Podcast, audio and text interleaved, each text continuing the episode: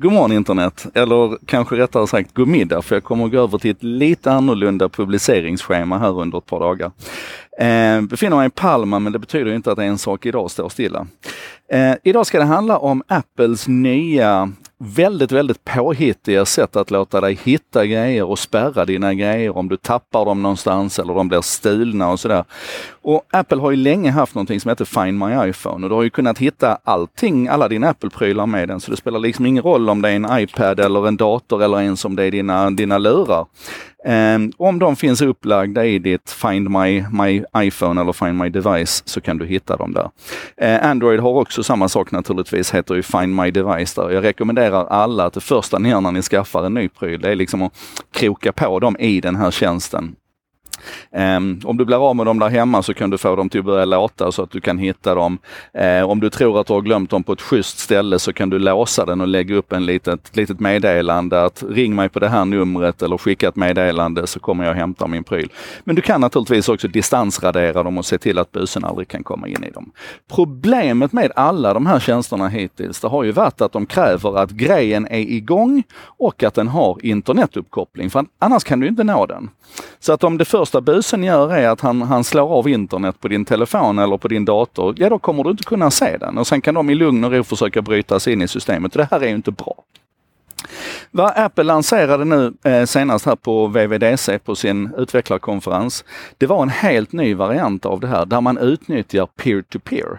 Alltså det här är ju ett, ett gammalt koncept, peer-to-peer, -peer, att man istället för att kommunicera direkt med en server där ute någonstans, så kommunicerar man mellan prylarna.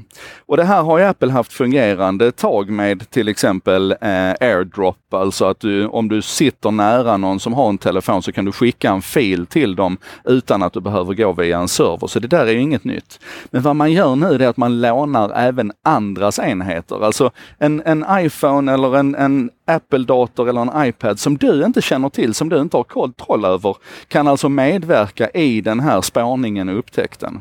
Och då använder man Bluetooth naturligtvis, låg energi Bluetooth, vilket innebär att även om prylen är avstängd så kan den alltså kommunicera med en Apple-pryl i närheten av dig. Så att Låt säga att någon har glömt sin telefon, någon jag inte känner har glömt sin telefon i soffan där jag just nu sitter. Jag har inte sett telefonen, men den här människan som har blivit av med sin telefon går in på en annan av sina ägda Apple-prylar någonstans och säger Var tusan är min telefon? Då kan den, även om den är avstängd, bli upphittad i den soffan för att min enhet kan hjälpa till att spåra den. Jag tror ni fattar. Alltså det här är ju, det här är ju fullständigt fascinerande och mindblowing ur perspektivet teknisk uppfinningsrikedom. Men det är ju också en enorm sån här privacy-fråga. För tänk om jag då i min telefon kan hålla koll på alla andras telefoner runt omkring. Det är nog ingen annan än Apple som skulle kunna komma undan med ett sånt här koncept. Grejen är att när man nu börjar gräva lite grann i hur Apple har implementerat det här och hur de har gjort det här, så visar det sig att det faktiskt ser ut som att det kommer att vara fullständig kontroll och, och säkerhet och integritet i det här systemet. Att hur mycket jag än försöker hacka mina grejer för att hålla koll på alla andras prylar runt omkring mig så kommer jag inte kunna se dem. Det finns ingen spårbarhet i det här förutom mellan de två prylarna som jag äger. Den jag har kvar och den jag har tappat bort otroligt häftigt och jag tror att vi kommer att se mer av det här peer-to-peerandet framöver efterhand som vi liksom nu börjar få förtroende för det här sättet att göra det på. Men det har tagit tid.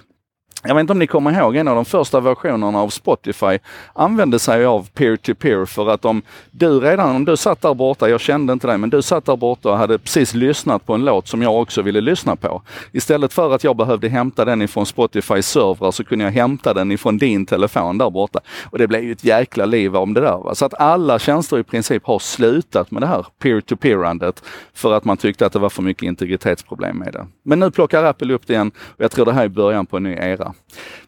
Många ord, klurigt att försöka förklara.